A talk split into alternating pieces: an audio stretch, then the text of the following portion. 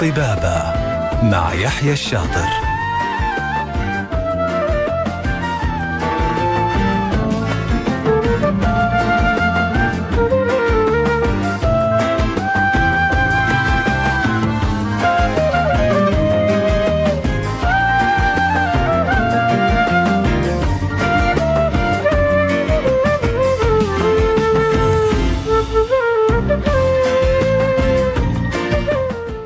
بسم الله الرحمن الرحيم السلام عليكم ورحمة الله وبركاته يسعد لي مساكم مستمعين وحبايبنا في كل مكان على إذاعتكم إذاعة ألف ألف إف إم الموجة السعودية.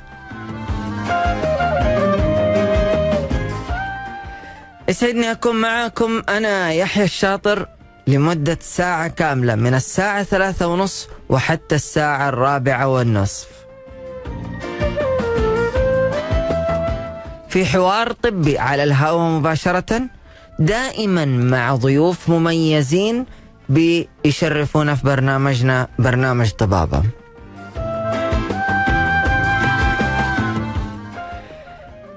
اللي ما يعرف برنامج طبابة إحنا هنا بنطرح موضوع جديد نتكلم فيه كل ما يتعلق بصحة الإنسان وعن الأعراض وعن العلاج والوقاية منها. وبنتكلم عن آخر المستجدات والتقنيات الحديثة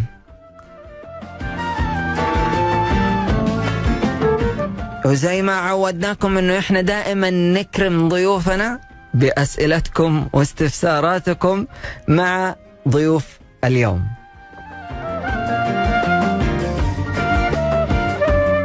تقدروا تسألونا وتسألوا ضيفنا عن طريق هاتف البرنامج صفر واحد اثنين ستة واحد ستة واحد واحد صفرين أو أنك ترسل لنا على واتس البرنامج صفر خمستين ستتين ثمانية تسعة صفرين واحد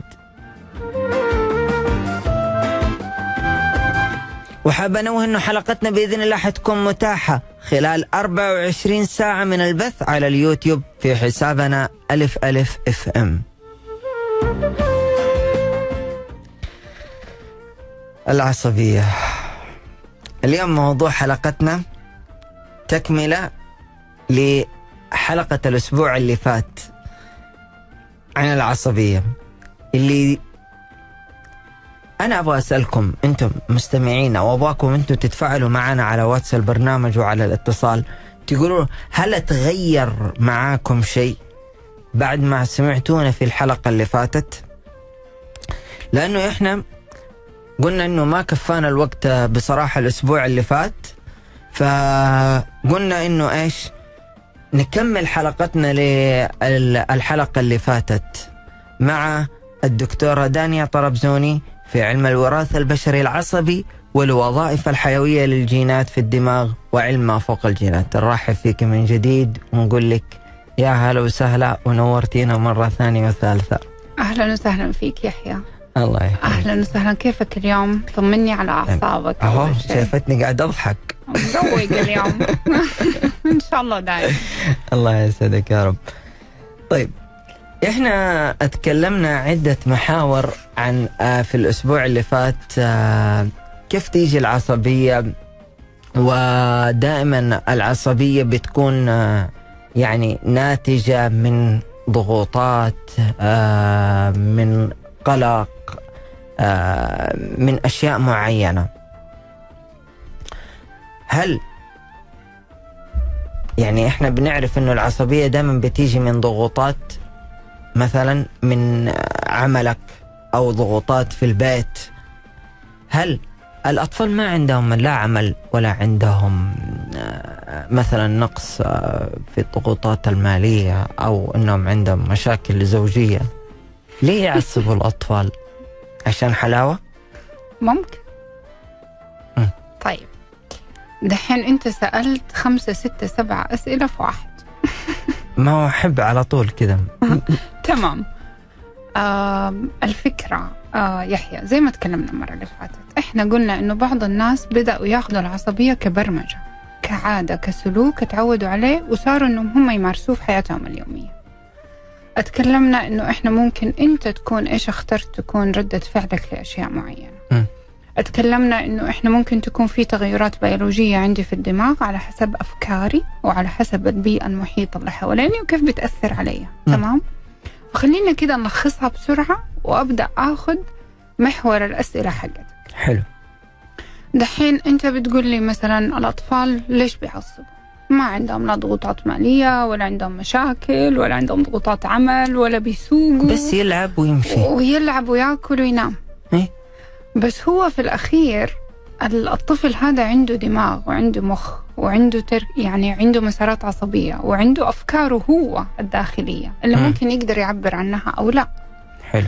وعنده تصورات ذهنية معينة تكونت له هو طفل. وعنده أشياء كتير هو بيفكر فيها يمكن حتى ما يقدر يقول لك إيش هي. جميل. فمثلا خلينا نفكر. في طبعا علماء كتير تكلموا عن الموضوع ده وأنا حذكر اثنين منهم دحين وحذكر الكتب وأتمنى أن الناس تفكر فيها. طبعا هي كتب بالإنجليزي. كتاب اللي هو السايكولوجيست اللي هو جابور ماتي هذا آه، طبيب كندي. أتكلم عن كيف مراحل البدائية أو الأساسية المبكرة في الحياة حتى في رحم الأم تأثر على الحالة العصبية الدماغية للطفل. والله لسه كنت بقول لك هل تأثي هل عصبية الأم في أثناء حملها أو في أو حياتهم؟ الأب الأب كمان؟ كمان التلقيح جزء منه ينتقل للطفل. وهذا علم اللي إحنا تكلمنا فيه بطريقة مختصرة في الحلقتين اللي فاتت اللي هو علم الإبيجينيتيك اللي يسموه بالعربي ما فوق الجينات. هو بما معناه يعني العصبية وراثية؟ جزء منها وراثية بيئية وليس وراثية بحت. مم. في حاجة اسمها epigenetics تأثير العوامل البيئية اللي حواليننا. تتغير. مزاج الأب طريقة أكله الأم حالتها النفسية وقت الحمل ووقت التلقيح جزء من هذه البصمة الوراثية تنتقل للطفل. وبالتالي لما تبدأ تتكون البرمجة أو المسارات العصبية أو تبدأ تتبرمج المراكز الأساسية في الدماغ عند الطفل بيبدأ يتكون على أي أساس أو بيتبرمج على أي أساس يحيى على أساس المعلومات اللي وصلت. يعني بس تتغير وحتتعالج يعني ما هي زي المرض الوراثي أو إنه الشيء اللي بيستمر معك طول أكيد عفوا. الفكرة إيش؟ إنه بالضبط زي ما أنت قلت إنه إحنا نبدأ نفرق بين الأشياء الوراثية البيئية والأشياء الوراثية اللي هي الأمراض الوراثية الجسدية مم. فإحنا إيش ممكن نسوي؟ الفكرة إنه عندك حاجة في دماغك اسمها نيوروبلاستيسيتي أو المرونة العصبية هذه بتساعدنا جدا إنه إحنا ممكن نغير أي برمجة عصبية أي مسار عصبي أي فكرة أي معتقد أنت يكون عندك. ولكن زي ما قلنا دائما نقول بمساعدة مختصين بصورة صحية بصورة تدريجية نقدر نغير أشياء مرة كتير حلو. يعني حتى الأطفال لازم يروحوا عند أخصائيين علشان أخصائيين سلوك للأطفال عشان يساعدوهم إنهم هم يعبروا عن الأشياء اللي داخلهم الأفكار اللي ممكن تسبب لهم التوتر وفي نفس الوقت بنغير لهم بيولوجية الدماغ عشان يصيروا أحسن. مستمعينا إحنا أكيد رايحين نكمل معاكم في موضوعنا. امسك أعصابك مع ضيفتنا الدكتورة دانيا طربزوني علم الوراثه البشري والبشري العصبي والوظائف الحيوية للجينات في الدماغ وعلم ما فوق الجينات. وخلينا أذكركم أي أحد عنده استفسار إنكم تقدروا تتواصلوا معنا عن طريق الاتصال 012 61 611 صفرين أو إنك ترسل لنا على واتس البرنامج 052 62 89 صفرين واحد. فاصل نرجع لكم.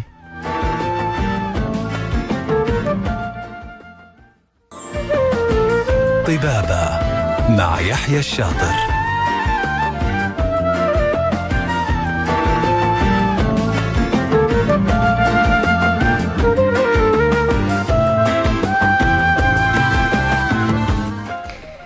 يا هلا وسهلا مستمعينا من جديد ومكملين معاكم في موضوعنا امسك أعصابك. مع دكتورتنا الدكتورة دانيا طربزوني في علم الوراثة البشري العصبي. دكتورة رحب فيك من جديد. طيب إحنا تكلمنا قبل الفاصل عن العصبية عند الأطفال وش هي أسبابها وأعراضها وكيفية ال- العلاج أو آه، تغيير الس... آه، أي تغيير السلوك. طيب. الآن إحنا خلصنا من الأطفال كبرنا شوية صرنا مراهقين. عاد هنا المراهقين هو شايف نفسه إن أنا اللي ما حد قدي في هذا في هذا الكون. الكون. عنده ويحق لهم يعني إيه. عندهم طاقة رهيبة. والله يعني فعليا خلاص هو يحب إنه هو يكون كل شيء. تمام. يعني خلينا كده ناخد خطوة لورا يحيى ونشوف ونحاول نفهم إيش اللي بيصير جوا مخ المراهق. حلو. أنت متخيل إنه هو بينتقل من مرحلة لمرحلة في حياته؟ يعني ما هو طفل ولا هو بالغ. تغيرات فسيولوجية تغيرات هرمونية تغيرات بيولوجية كاملة في أعضائه في جسده في أحاسيسه في دماغه. فبالتالي هذا كله حيأثر على سلوكه. والتصرفات والأفكار والمعتقدات. فإحنا إيش ناخدهم كده حبة حبة؟ وأنا يمكن كمان ما أفضل كلمة استخدام الكلمة هذه لأنها كلمة سائدة ولكن أنا ممكن أقول هي مرحلة انتقالية جدا صعبة. مم. أنت تخيل لما أنت بتتنقل من مرحلة لمرحلة زي إحنا لما نكون شباب ونبدأ نتنقل لمرحلة إنه هو نبدأ نكبر نبدأ نحس الأشياء اللي كنا نسويها وإحنا 20 أو 30 سنة صح. ما نقدر نسويها وإحنا 46 أو 50 صح. هنا بالعكس هو يكون طفل يحس انه هو كان ما عنده مسؤوليات مو لازم يبدأ يتبنى أفكار مو لازم يكون عنده قيم عايش في في مظلة معينة زي كأنه محمي فيها وهذه طبعا دور الأسرة. بس لما يجي ينتقل لمراهق هرموناته بتتغير. دماغه في في في تركيبات معينة في في الدماغ اللي هي القشرة ال- الدماغية بتبدأ تتطور أكثر لأني أنا كل ما أبدأ أكبر كل ما هرموناتي تتغير كل ما في بتخليه يعصب؟ هي مو بتخليه يعصب قد ما هي بتخليه إنه هو يكون ملخبط. وخلينا نتكلم بكلمات ما هو عارف يحيى. يبغى. أيوه. مو عارف إيش يبغى. أنا حاسس بأحاسيس مختلطة في نفس الوقت. حاسس إني متحمس بس مالي عارف إيش أسوي.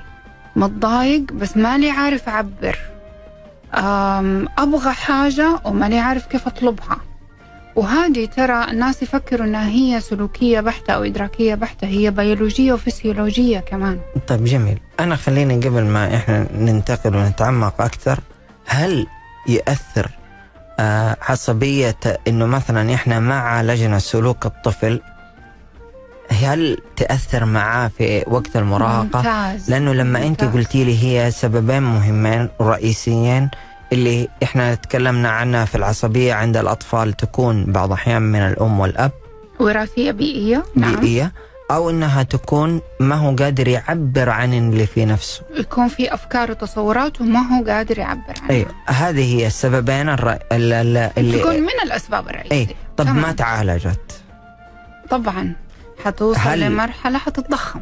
تتضخم في مرحلة المراهقة. ليش يا يحيى؟ لأنه أنا لما أكون من صغري ما أعرف أتعامل مع مشاعري وما أعرف أعبر عنها وما أعرف أحتويها. حتى لو كبرت حتى لو صرت 60 سنة 65 سنة. طب أنا لسه تركيبتي البرمجة الدماغية ومساراتي العصبية ما عندي أي مصدر أو ريفرنس إني أنا كيف أعرف أتعامل معاها؟ فمن فين حتعلم؟ فأنا لازم أتعلم. فهذه نقطة مرة مهمة وشكرا إنك أنت أثرت النقطة هذه بصراحة. مم. إنه إحنا لما بنشوف بوادر أشياء معينة عند أطفالنا لازم نتحرك بسرعة ونحاول نتعامل معاه. عشان لما يكبر ما تزيد الفجوة اللي بينه وبين نفسه. فأنت تخيل المراهق بيتحول كل هرموناته في هرمونات جديدة بتفرز. مم. في هرمونات ما هي موجودة بتختفي. الدماغ بيبدأ يستجيب لكل الهرمونات هذه. نسبة الأدرينالين والكورتيزول بترتفع لأنه الجسم محتاج يتغير الأعضاء بتتغير. فهذه كلها أنا بس بعطيك زي أم أم بصور لك صور جدا قصيرة إن هو إيش ممكن يصير في الدماغ وإيش ممكن يصير في الجسم. فأنت متخيل كيف إحساس الشخص. فإحنا لما نطالع فيهم أتمنى إن إحنا نفهم إنهم هم داخلهم أشياء متضاربة كثير وهم بيحاولوا يتفاهموا معاها وبيتعاملوا معاها بس بما إنهم وهم أطفال ما تعلموا حتصير أصعب علينا عشان نبدأ إيش؟ نشوف الأمور هذه ونبدأ نحلها واحدة واحدة. جميل. طيب دكتورة هل ال- العصبية كمان عند الأطفال آه، بتكون إنه سبب رفضهم لطلباتهم؟ الرفض المتكرر. الرفض المتكرر مو السبب الأساسي يحيى. التعامل مع الرفض المتكرر هو السبب الأساسي جميل. طيب مستمعينا إحنا أكيد رايحين نكمل معاكم مع آه، ضيفتنا الدكتورة دانيا طربزوني آه، علم ألو... في علم الوراثة البشري العصبي. خلينا أذكركم أي أحد يقدر يرسل لنا عن طريق ال- الواتس البرنامج 052 62 8 9 0 واحد فاصل ونرجع لكم.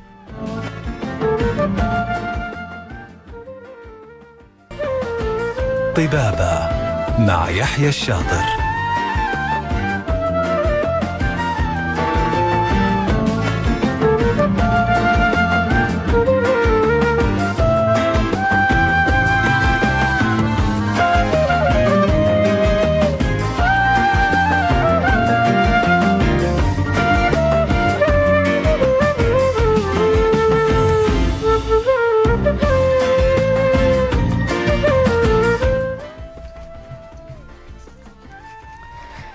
ورجعنا لكم أعزائي المستمعين من جديد ومكملين معاكم في موضوعنا امسك أعصابك.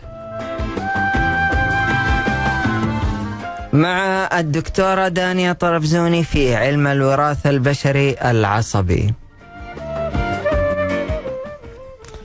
شوف يا دكتور إحنا ما نبغى نضيع بصراحة من الوقت ولا أبغى أكثر كلام. لأنه الكلام أبغى أخلص معاك اليوم نقفل بموضوع العصبية دي. يعني نبغى الناس تخرج من رمضان هم إيه؟ مروقة. مروقة. خليوني أذكركم أعزائي المستمعين تقدروا تسألونا أو تستفسروا عندكم استفسار مع الدكتورة تواصلوا معنا عن طريق الاتصال صفر واحد اثنين ستة واحد ستة واحد واحد صفر صفر أو أنك ترسل لنا على واتس البرنامج صفر خمسة خمسة ستة ستة ثمانية تسعة صفر صفر واحد.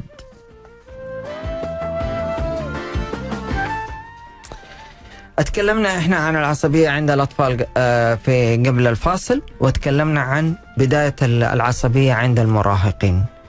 فاتكلمنا إيش هي أسبابها. وأعراضها وعواملها.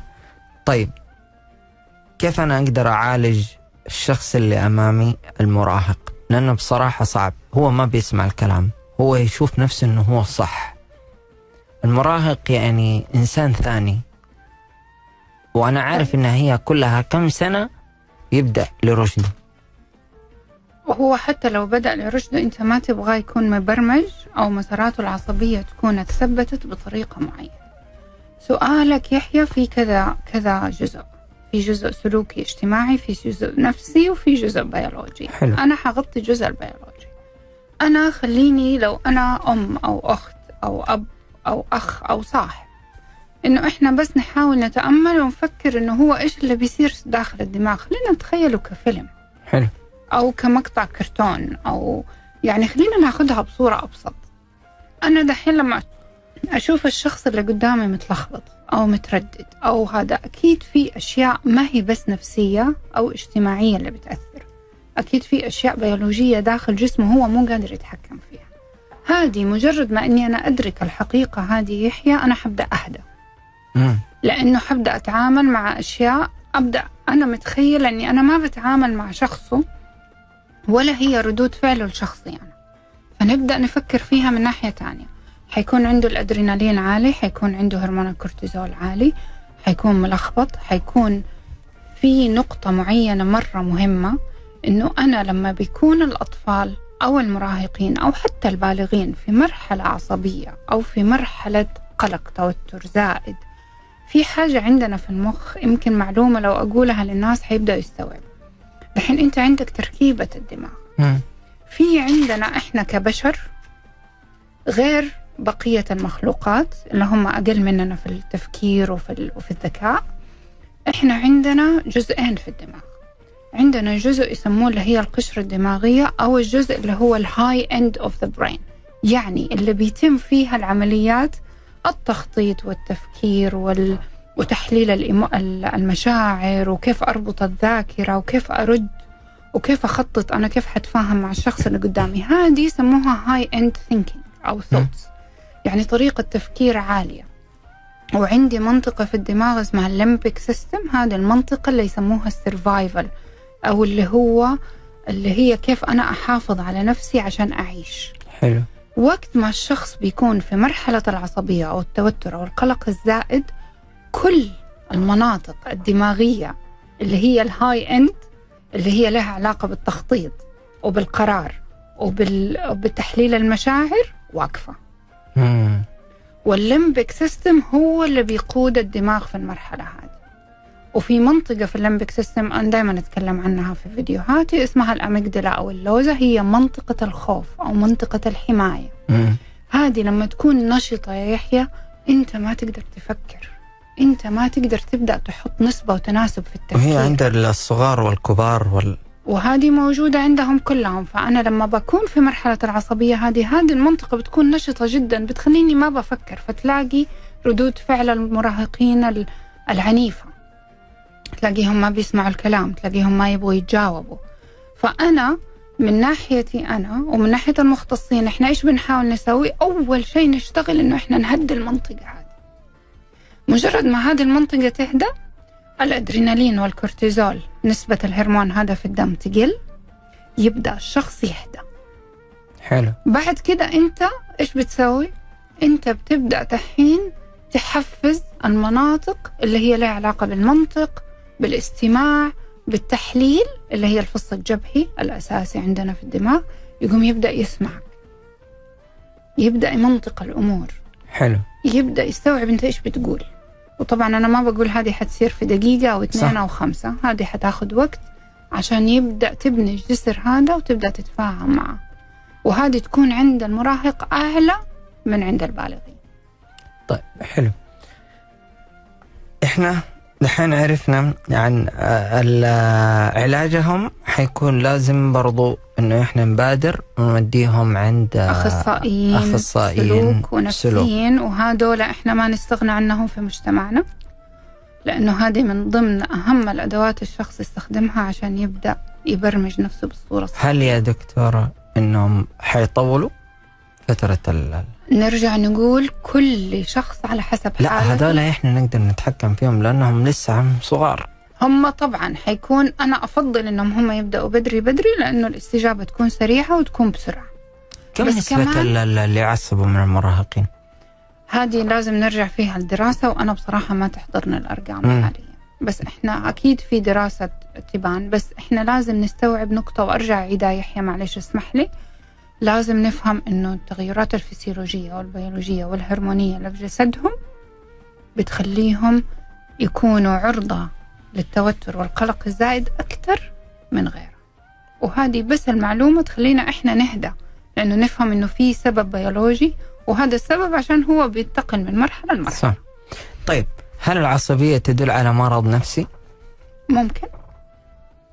ممكن تكون مرض نفسي. ممكن تكون اختيار شخص ترى على فكرة في أشخاص تعودوا من هم أطفال إنهم هم لما يعصبوا يحصلوا على اللي هم يبغوا مم. فصارت عندهم برمجة. كل ما حعصب كل ما حضغط زر العصبية حيجيني اللي أبغاه. وهذه تلاحظها فين يا يحيى؟ وهذه نقطة مهمة. في الناس اللي عندهم أوثوريتي مم. اللي, اللي يكونوا في مراكز كبيرة. أيوه. في مستشفيات في آه، مراكز آه، تسويق في مراكز استثمار. تلاقيه هو مبرمج إنه هو لما يعصب الموظفين حيجيبوا له اللي هو يبغاه. فهذا مم. ممكن ما يكون مرض نفسي. هو يكون اختيار. أنا اخترت الطريقة دي عشان أحصل على اللي أنا أبغاه. وهذه برمجة في الأخير ومسار عصبي عندي. طيب حلو. ال يعني هذه شويتين السؤال. يعني إحنا نقول إنه حساس وخاصة للأخوات السيدات. حسيت إنه في سؤال في لغم يا ملغوم السؤال يا أخي. عادة يعني ال- المرأة دائما بتجيها كل شهر ال- البيريت الدورة الشهرية. فمعروف عند كل مرأة. فسبحان الله هنا لا تتكلم مع البنت. تصير عصبية تصير ما ينفع قتلك ويقول لك اعذرها هي معاها. خليني أوقفك هنا يا يحيى. هذه برمجة اللي أنت بتتكلم عنها. يا سلام. يعني ما في الرجال شيء تبرمجوا ما في شيء اسمه ان هم ما الرجال. هم هم هم صاروا يبرمجونا انه إحنا طيب. لا حياء في العلم اولا. أكيد. أم، شفت كيف لما تكلمت في نقطة إنه المراهق تكون عنده تغيرات فيزيولوجية وهرمونية؟ نفس الشيء المرأة وعلى فكرة نفس الشيء الرجل. صحيح. الرجل في مراحل في حياته بتصير في عنده تغييرات هرمونية وبيكون متضايق بس يمكن الرجل يمكن طبيعة الرجل ما بيعبر فيها مشاعريا زي المرأة. م. نفس الشيء المرأة بتعدي فيها. ولكن في الأخير أنا أرجعها للأساس يا يحيى. أنا صدقت إنه يعني هذا الشيء بيصير لأنه هي ب... أكيد بتحس بآلام بأوجاع بأشياء. بالضبط. أنا في هذا اللي كنت بشرح لك. هو. في أسباب جسدية وأسباب هرمونية ولكن في الأخير يحيى خلينا نمسكها ونكون صريحين مع بعض. حلو. أنا ممكن أنا أحب ألاقي الصراحة. أنا ممكن ألاقي أي سبب أعصب عليه. بغض النظر أنا إيش حالتي الفسيولوجية كامرأة بعدي فيها. أنا ممكن ألاقي أي سبب أعصب عليه. فممكن أنا أقول لك جزء منها هرمونية ولكن الجزء الثاني أنا كيف بتعامل مع نفسي وأنا تعبانة. أنا كيف بتعامل مع نفسي وأنا عندي مشكلة فسيولوجية. أنا كرجل كيف أتعامل مع نفسي وأنا بعدي في مرحلة معينة من مراحل حياتي؟ بحس إني أنا ما بقدر أسوي أشياء معينة كنت لا، هي أسويها دكتورة وأنا أنا شاب. قاعد اكلمك أنا على ال- ال- ال- على النساء وأنت تروحي تقولي لا ما إحنا لازم إلا- نوازن إلا على الأمور يا الرجال. لا لأنه معشر الشباب. أنا بتكلم من ناحية علمية. إحنا نتكلم كمان من ناحية علمية فقط على السيدات. لا لا إحنا لازم إحنا إحنا مت يعني إحنا متشاركين في الحياة فإحنا لازم صحيح. نفسر آه، بالنسبة للرجال والنساء. ولكن أرجع لسؤالك. وعشان ما ياخذوها الناس بصورة حساسة أمم. كل واحد حيعرف يتعامل ويتحكم ويوازن مشاعره بغض النظر عن الظروف اللي هو بيعدي فيها سواء فسيولوجية يعني مثلا لو أنت حاسس إنك أنت بتمر في مرحلة معينة أنت ممكن تنعزل لين لما أنت تهدى وبعدين تبدأ تتعامل مع الناس يا سلام المرأة ممكن تاخذ إجازة أوف سيك يوم صح. ما تكون متعرضة. للعرض هذا في الشهر وممكن إن هي ترتاح وبعدين تروح تتعامل مع الناس عادي. فهي نرجع في الأخير إنه مو ذنب الناس أي أحد بيمر بأي ظروف سواء هرمونية أو عصبية أو نفسية إنه إحنا نعكسها على غيرنا. فاهمين يا معشر الشباب؟ هاي إذا شفتوه قالوا يعني إحنا ما نعطيهم عذر كل واحد يقدر يتحكم وأنتم كمان لا مو للدرجة دي يا يحيى. طيب, طيب خلينا نفكر فيه إن إحنا نعذر بعض بحيث إنه إيش؟ إنه كل واحد عنده عذره ونحط مساحة الاحترام بيننا. يا سلام. أوكي. عشان ما حد يعصب على الثاني صحيح. مستمعين إحنا أكيد رايحين ومكملين معاكم مع ضيفتنا الدكتورة دانيا طربزوني في علم الوراثة البشري العصبي. وخلينا اذكركم أي أحد عنده استفسار أو سؤال تتواصلوا معنا عن طريق الاتصال صفر واحد اثنين ستة واحد ستة واحد واحد صفرين. أو إنك تقدر ترسل لنا على واتس البرنامج صفر خمستين ستتين ثمانية تسعة صفرين واحد. فاصل ونرجع لكم.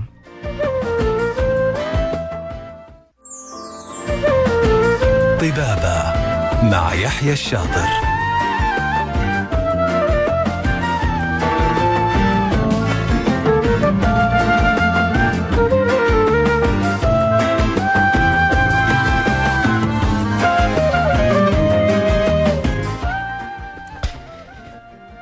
ورجعنا لكم أعزائي المستمعين من جديد ومكملين معاكم في موضوعنا امسك أعصابك.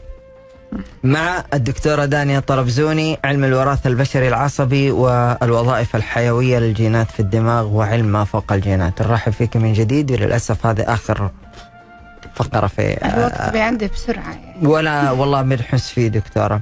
طيب في سؤال جاني بصراحة آه من دقيقة.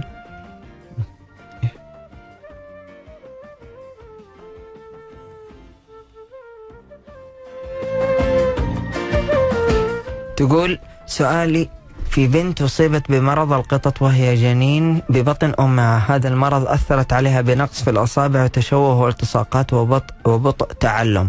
الآن هي بعمر 19 سنة لكن عقليتها أصغر من عمرها. بنظري وتعاملي معها تتصرف كبنت عمرها 15 سنة. أول ما يتجادلوا هي وأخوانها تصارخ ودفشة ما تعرف أنها تأذيهم بدفاشتها ما يقدروا يتفاهموا معها لأنها على طول تتنرفز وتستثار للغضب بسرعة وعنيدة وما تسمع من أمها وتسوي اللي براسها. أمها عجزت منها تعرف كيف تتصرف معها هي تسأل كيف تتصرف معها كيف تعدل سلوكها إيش الخطة اللي تتبعها؟ ملاحظة أن هي حاليا ما تدرس لأن الدراسة صعبت عليها. شوف يحيى هذه حالة مرضية جدا جدا جدا متأخرة ومستعصية. واضح إنه ال- الطفلة صار لها تأخر في النمو في جميع يعني في أغلب الأعضاء وبالدماغ بالذات.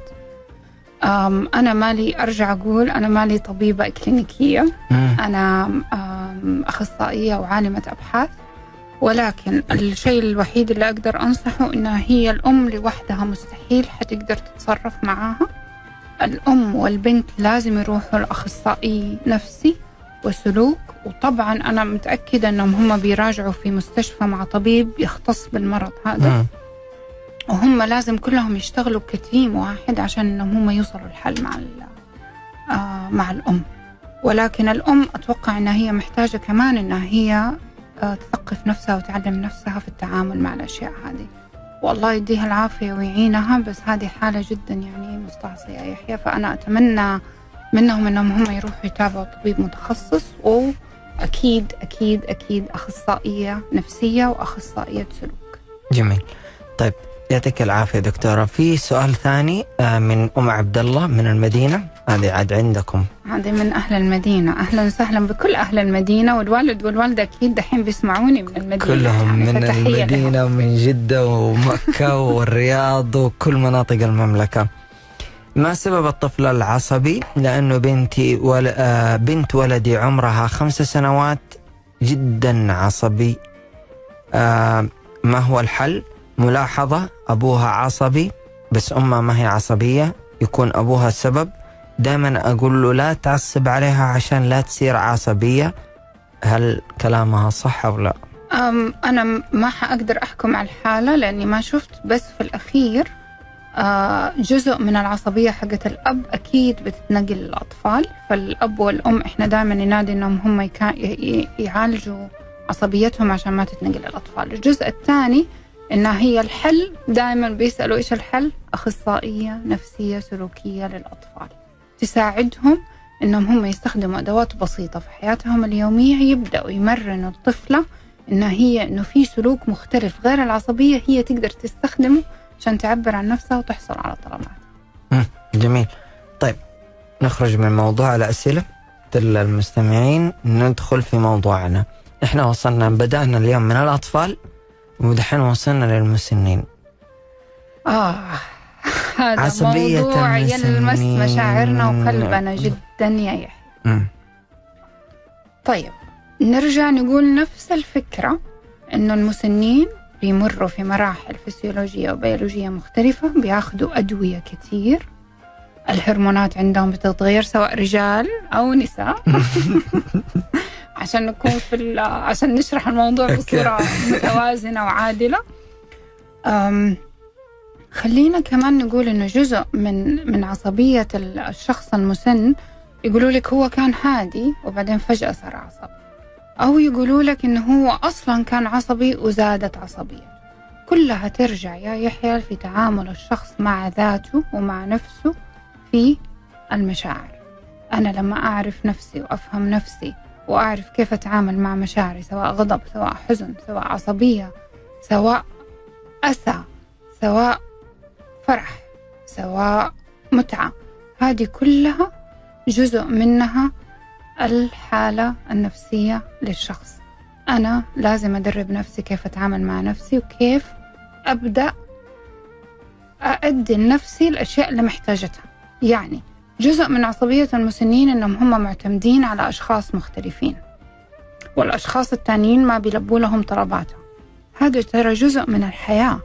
إنك أنت دائما متعود إنك أنت الناس يسووا لك طلباتك ويلبوا لك طلباتك ولا أنت تعرف كيف تتعامل مع نفسك لما يكون في حوالينك أحد يلبي لك طلبك هذه نقطة من النقاط أنا بس بحاول أسلط الضوء على أشياء مختلفة. يمكن الناس ما تكون مستوعبتها طبعا لما تكون حالات مرضية صعبة طبعا المسنين يعني الله يلوم اللي يلومهم صح. يعني بيكونوا بيعدوا في- في آلام بيعدوا في مشاعر يأس وحزن لأنهم خلاص كبروا كبروا صح آه، في هرمونات معينة اللي هي زي مثلا الدوبامين هرمون الجابا هرمون الجلوتاميت هذه تكون بتفرز بصورة كويسة في الجسم الشخص لما يكبر بتقل نسبتها فبالتالي بيحسوا بإحساس يعني ما نقول إحساس إنه هو ما يقدروا يحسوا بالسعادة دائما ما يقدروا يحسوا يحسوا إنهم هم مو متوازنين هذا لا بدرجة يروح معينة. ولا لا يروح عند دكاترة. يحيى مم. الأخصائي النفسي الأخصائي السلوكي عادي أنا هو أنا قصدي إنه هل يروح ولا لا؟ العلاجي لازم يروح. جميل أوكي. بالعكس لأنه هو يحتاج أحد يساعده يمر في المرحلة المختلفة اللي هو بيعيش فيها. جميل. طيب في عندنا سؤال برضو من المستمعين. هل الطفل العصبي يكون جينات وصعب تغييرها؟ أم بالإمكان تعديل السلوك؟ وكيف الأم والأب يتعامل مع موقف عصبي مع الطفل؟ هل هناك أي تبس ما في شيء صعب تغييره. زي ما أرجع أقول وأفكر الناس عندنا الدماغ جدا مطيع ومرن بيحاول يتعامل معاكم يعني بيحاول ينفذ الأوامر. جميل. الطريقة الأم والأبو إنهم هم وأنا دائما أنادي فيها يحيى. هم يشوفوا سلوكهم ويحاولوا يعالجوا سلوكهم عشان يتعالج سلوك الطفل.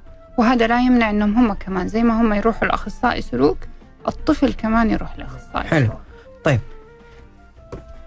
العصبية والصوت العالي.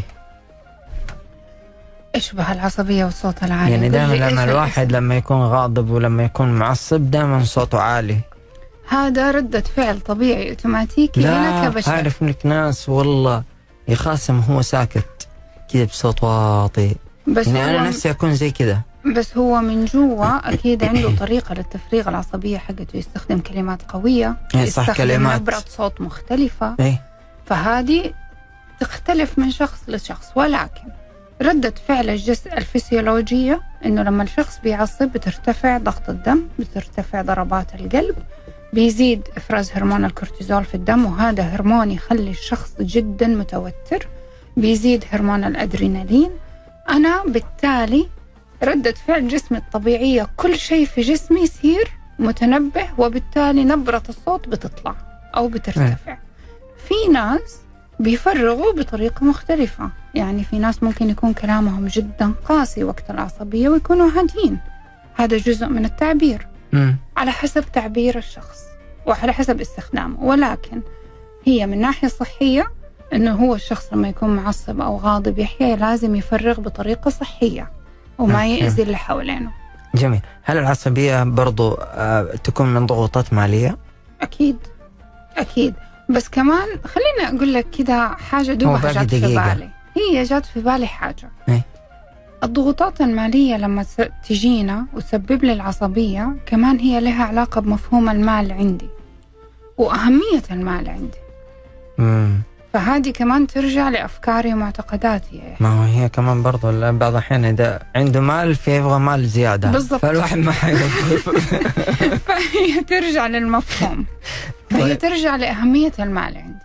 جميل. هل هي وسيلة ولا غاية؟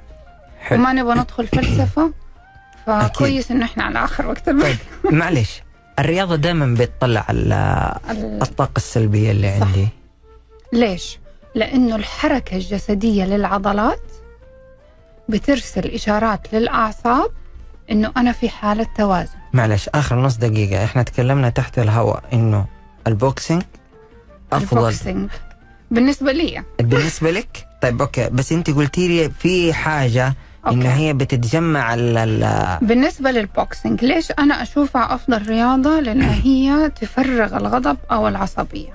مم.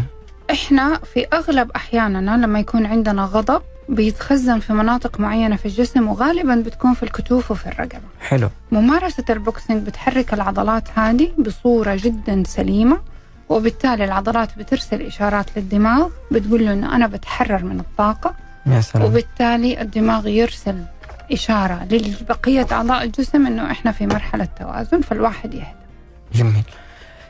يعني بصراحة إحنا وصلنا يا دكتورة لنهاية هذه الحلقة. شكرا لك. شكرا للدكتورة دانيا طربزوني في علم الوراثة البشري العصبي والوظائف الحيوية للجينات في الدماغ وعلم ما فوق الجينات. شكرا لك على المعلومات المميزة اللي طرحتي لنا إياها في الثلاث الحلقات. يعطيك ألف عافية والله. شكرا شكرا إنكم أنتم خليتوني أفيد الناس. الله يعطيك ألف عافية. ونوصل صوتنا بالعكس للناس. والله ما حسينا والله بالحلقة ولا حسينا بالوقت. معلومات كثيرة وما خلصنا وكان نفسنا. ويا ليت انه الوقت يزيد. شكرا لزملائي من إخراج البث مشاري الحربي. شكرا أيضا لكم أنتم مستمعين ومشاركين في الحلقة آه، لمشاركتكم في الحلقة. وإن شاء الله أنكم استفدتوا واستمتعتوا معنا في هذه الحلقة من برنامج طبابة. يتجدد اللقاء بكم غدا بإذن الله في نفس الموعد وفي نفس الوقت من الساعة ثلاثة ونصف وحتى الساعة الرابعة والنصف عصرا. اللي ما لحق يسمع الحلقة من بدايتها يقدر يسمعها على قناتنا باليوتيوب ألف ألف إف إم.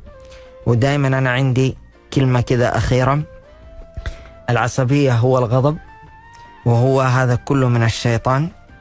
فدائما الأخصائيين آه، يقول لك عد إلى العشرة. هذا شيء علمي. فالرسول صلى الله عليه وسلم قال لنا إياها من قبل إنك تستعيذ بالله من الشيطان الرجيم وإنك تسكت. وإذا أنت إنسان كنت جالس توقف. أو تعكس يعني إذا كنت واقف تجلس إذا كنت جالس تنام. آه، في معنى الحديث. فالسكون والرسول صلى الله عليه وسلم قال لا تغضب لا تغضب لا تغضب فعدد مرارا فقال لا تغضب.